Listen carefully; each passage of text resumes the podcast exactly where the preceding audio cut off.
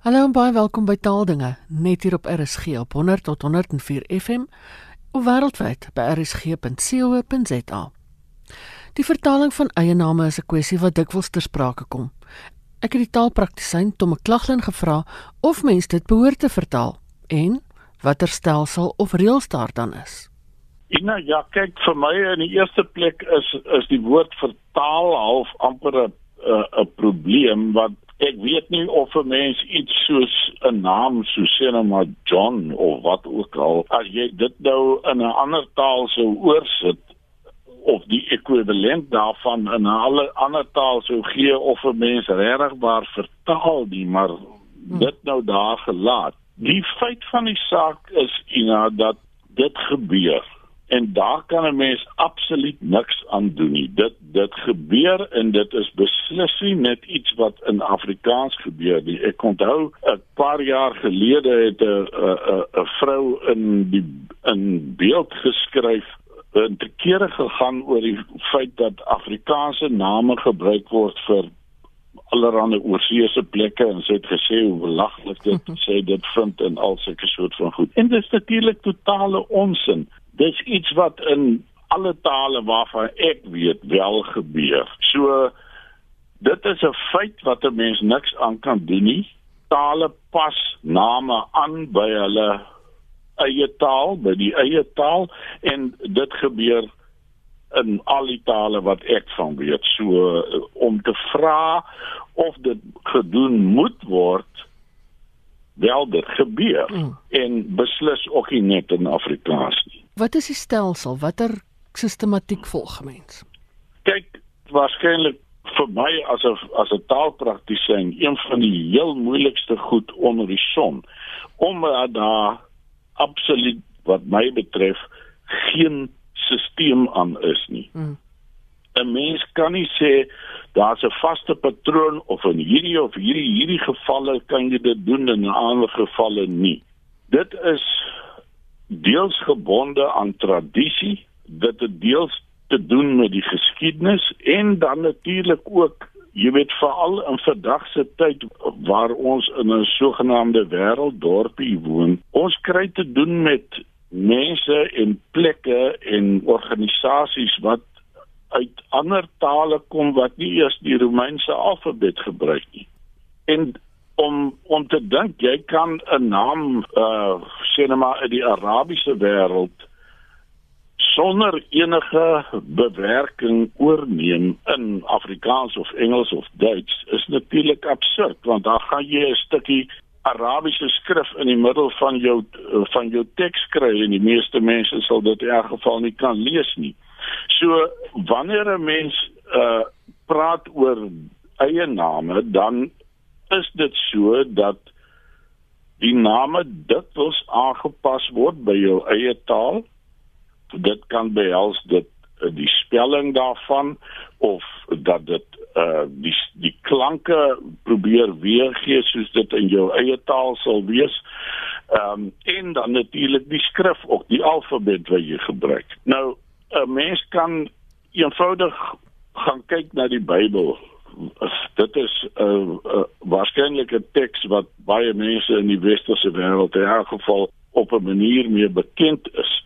Nou in Hebreëus is daar 'n plek wat genoem word Hagalali of Hagalil. Skus, my Hebreëse uitspraak is nie baie goed nie.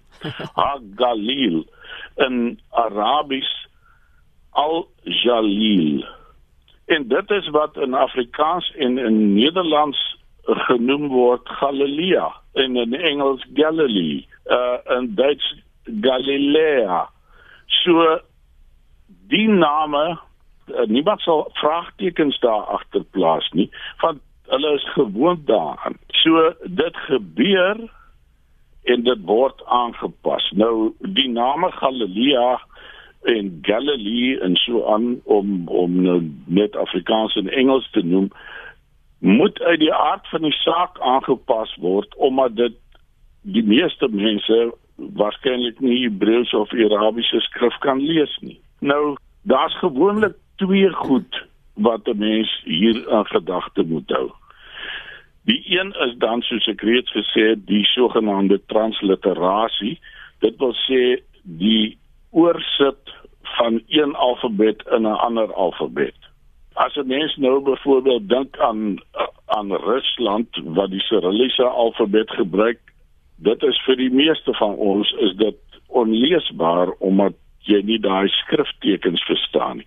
En dan praat ek nie eers van uh iets soos die Japaneese of die Chinese skrif en daardie tipe ding nie. So dit is die eerste ding, daar moet transliterasie plaasvind in baie gevalle wanneer ander alfabette gebruik word. En die tweede is dit word by jou eie klankstelsel aangepas.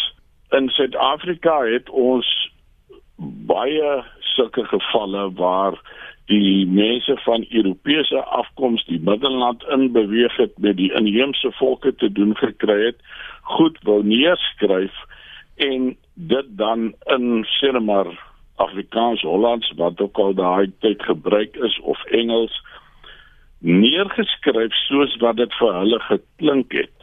Daar's baie sulke gevalle in Afrikaans uh, of in Suid-Afrika in elk geval. 'n Mens kan ook dink daaraan dat vir baie Engelssprekende er, ek bedoel rasegte Engelse is die klank 'n moeilike ding uh, as jy in Skotland kom dan sal hulle vir jou sê wat hulle 'n log noem noem die Engelse dikwels 'n lok omdat hulle daai klank moeilik uitspreek. So daarom sal ons byvoorbeeld sê Galilea in die Engels Galilee.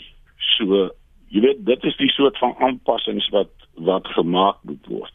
Nou 'n mens kan ook dink daaraan dat uh, die die hoofstad van Griekeland antieke Grieke was Athena in Grieks wat in Griekse letters geskryf is.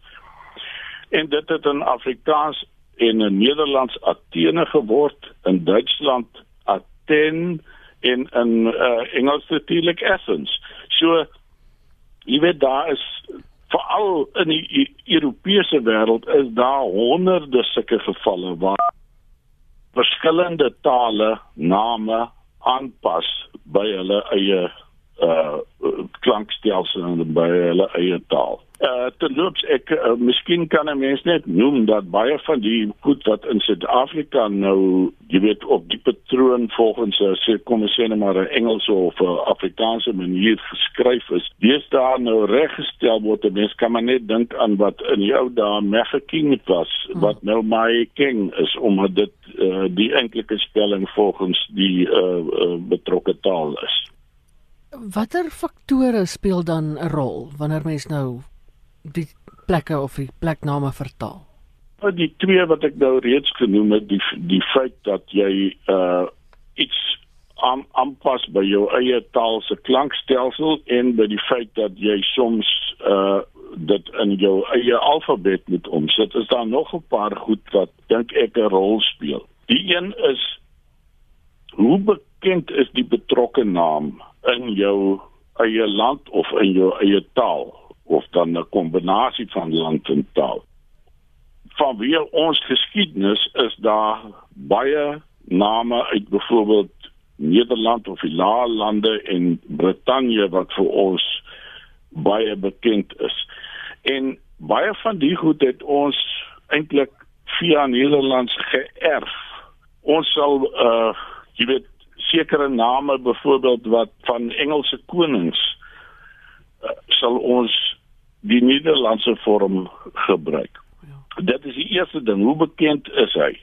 Want as jy nou uh, nou vir die eerste keer hoor daar was een of 'n aardbewing in die middel van Asië ergens waar jy nog nooit van gehoor het nie, dan is daar nie 'n tradisie van daai naam nie. Dis dis wat ek bedoel met die met die bekendheid. Die tweede faktor is dat daar gewoonlik 'n geskiedenis is van vertaling of oorsetting in 'n in jou eie taal. Soos ek gesê het, ons het byvoorbeeld sekere goed geërf uit Nederlands uit wat eenvoudig al eeue lank so aankom. So die die vraag is is dit histories gesproke eh, vertaal of nie?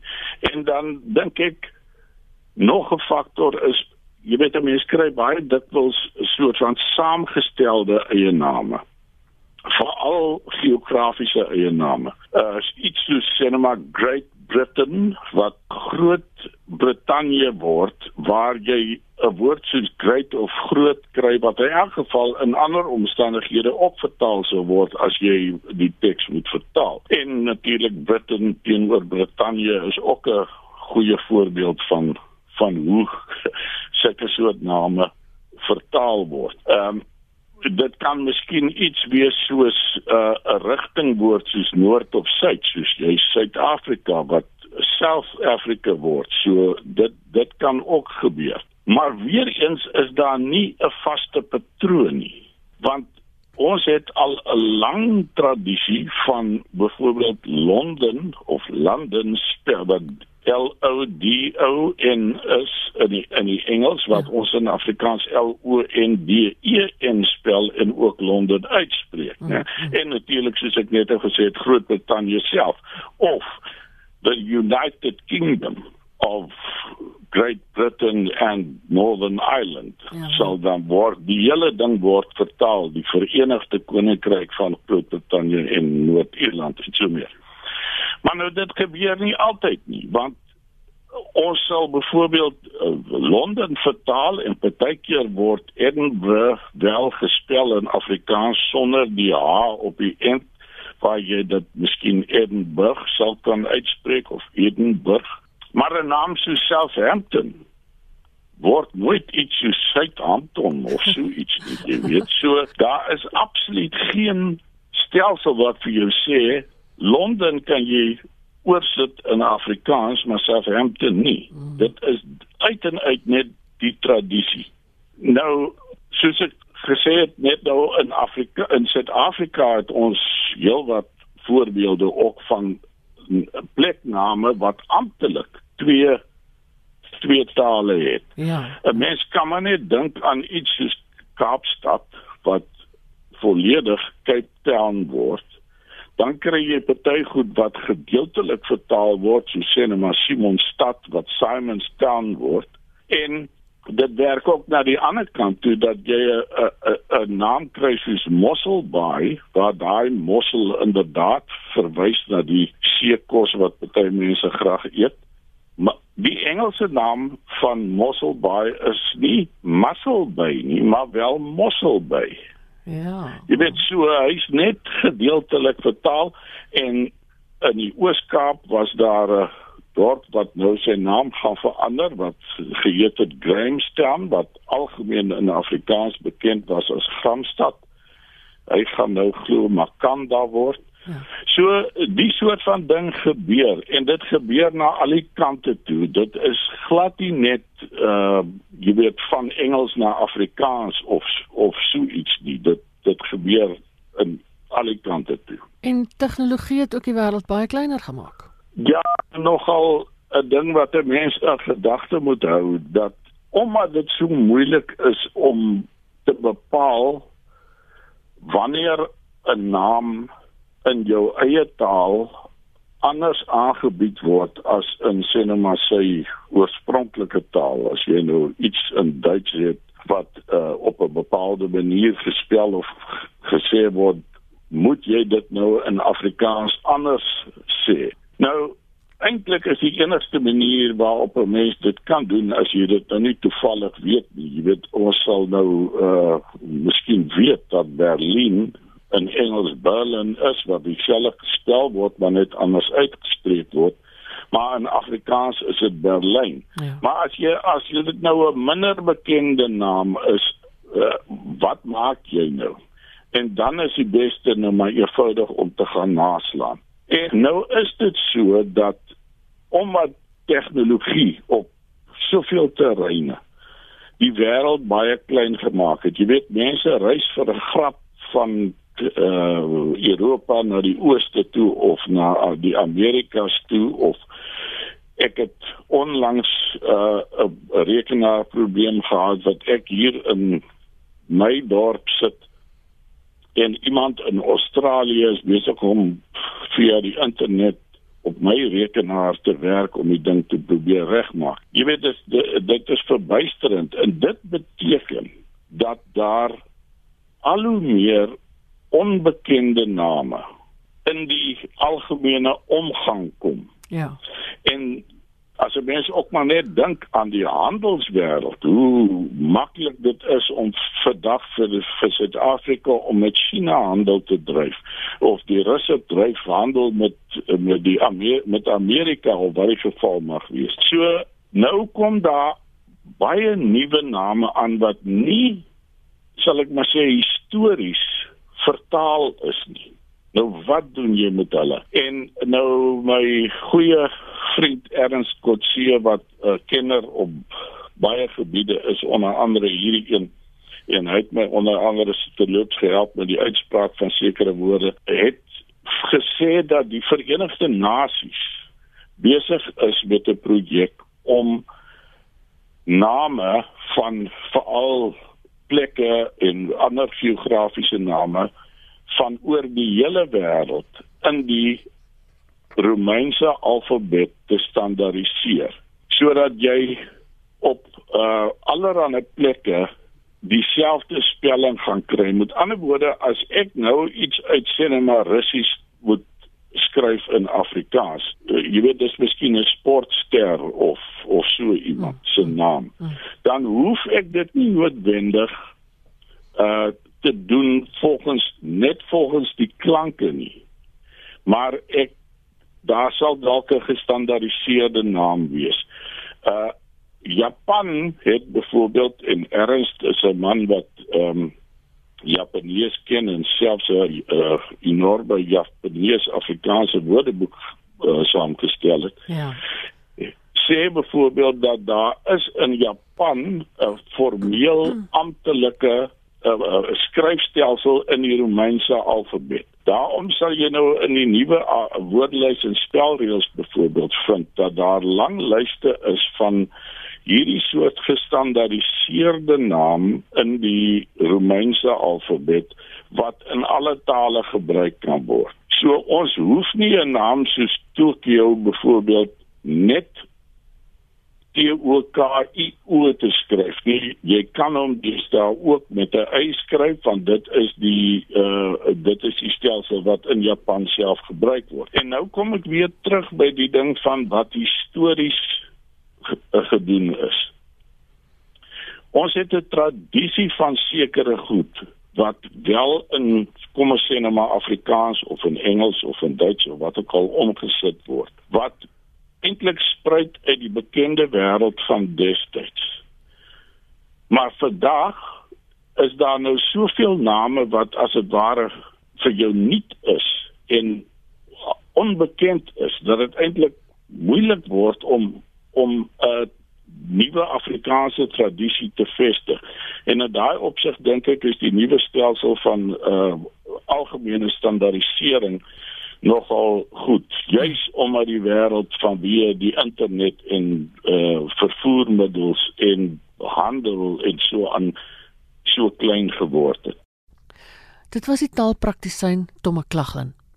Nou ons sit hierdie gesprek by 'n volgende keer voort wanneer ons meer prakties gaan kyk nou hoofsaaklik drie tipes eie name wat vertaal word, naamlik persoonsname, geografiese name en die name van organisasies. En ons kyk ook watter reëls of gebruike ter sprake is. Daarmee is dit tyd om te groet en van my Ina Strydom groete tot 'n volgende keer.